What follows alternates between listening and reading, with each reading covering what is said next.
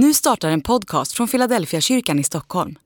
Om du vill komma i kontakt med oss, skriv gärna ett mejl till hejfiladelfiakyrkan.se.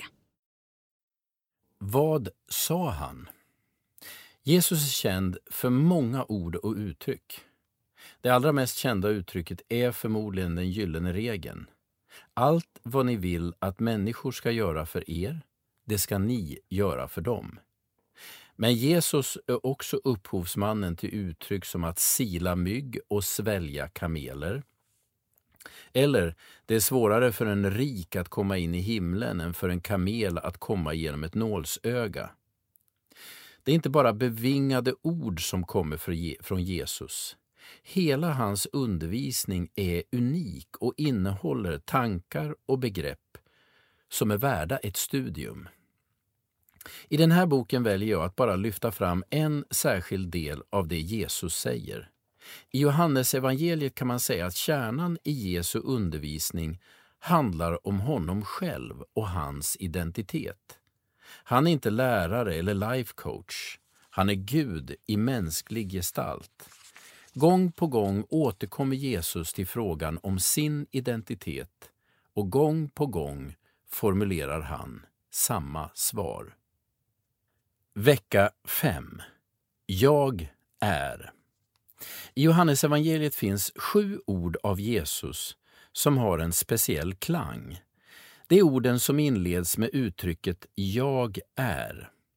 I den grekiska grundtexten får dessa uttryck en särskild betydelse som inte riktigt framgår i den svenska översättningen. I grundtexten handlar det om en sinnrik upprepning som ger en betydelse åt uttrycket som vi närmast skulle översätta ”jag är, jag är”. Det är en anspelning på Guds namnet i Andra Mosebok. När Gud visar sig för Mose i den brinnande busken och Mose frågar efter Guds namn, så svarar Gud ”Jag är”. Guds namn är alltså ”Jag är” eller JHVH. I Johannesevangeliet säger Jesus sju gånger om sig själv att han är ”Jag är”. Det är ett direkt anspråk från Jesus på att han är Gud. Detta är kärnan i evangeliets presentation av Jesus. Han är Gud själv i mänsklig gestalt. Dag 29 Jag är livets bröd. Johannes evangeliet kapitel 6, vers 35. En av de första reklamkampanjerna jag minns handlade om att man skulle äta minst 6 till 8 skivor bröd om dagen. Om jag minns rätt så var det Socialstyrelsen som stod bakom projektet och syftet var att upplysa medborgarna om sunda kostvanor. Idag vet jag inte om rekommendationen står sig längre. Nu handlar det mer om frukt och grönt eller fettsyror.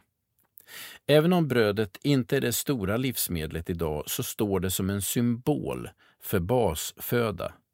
Vi talar om dagligt bröd som en självklarhet och då menar vi att alla ska kunna äta sig mätta. När Jesus talar om sig själv som livets bröd så är det samma grundläggande tanke om vad en människa behöver som bas för att överleva. Det räcker inte med den fysiska maten, kläder på kroppen och ett arbete att sysselsätta sig med. Människan behöver något mer för att leva och inte bara överleva. Att följa Jesus handlar inte om ett välfärdsintresse som man kan ha eller mista. Det är en livsnödvändighet som gäller själens överlevnad. Jesus är det bröd, den andliga föda, som kan mätta din själs begär. Andlig övning. Har du sunda andliga kostvanor? Reflektera över vad du föder din själ med. Är det tillräckligt mycket Jesus för att du ska vara vid god allmänmänsklig hälsa?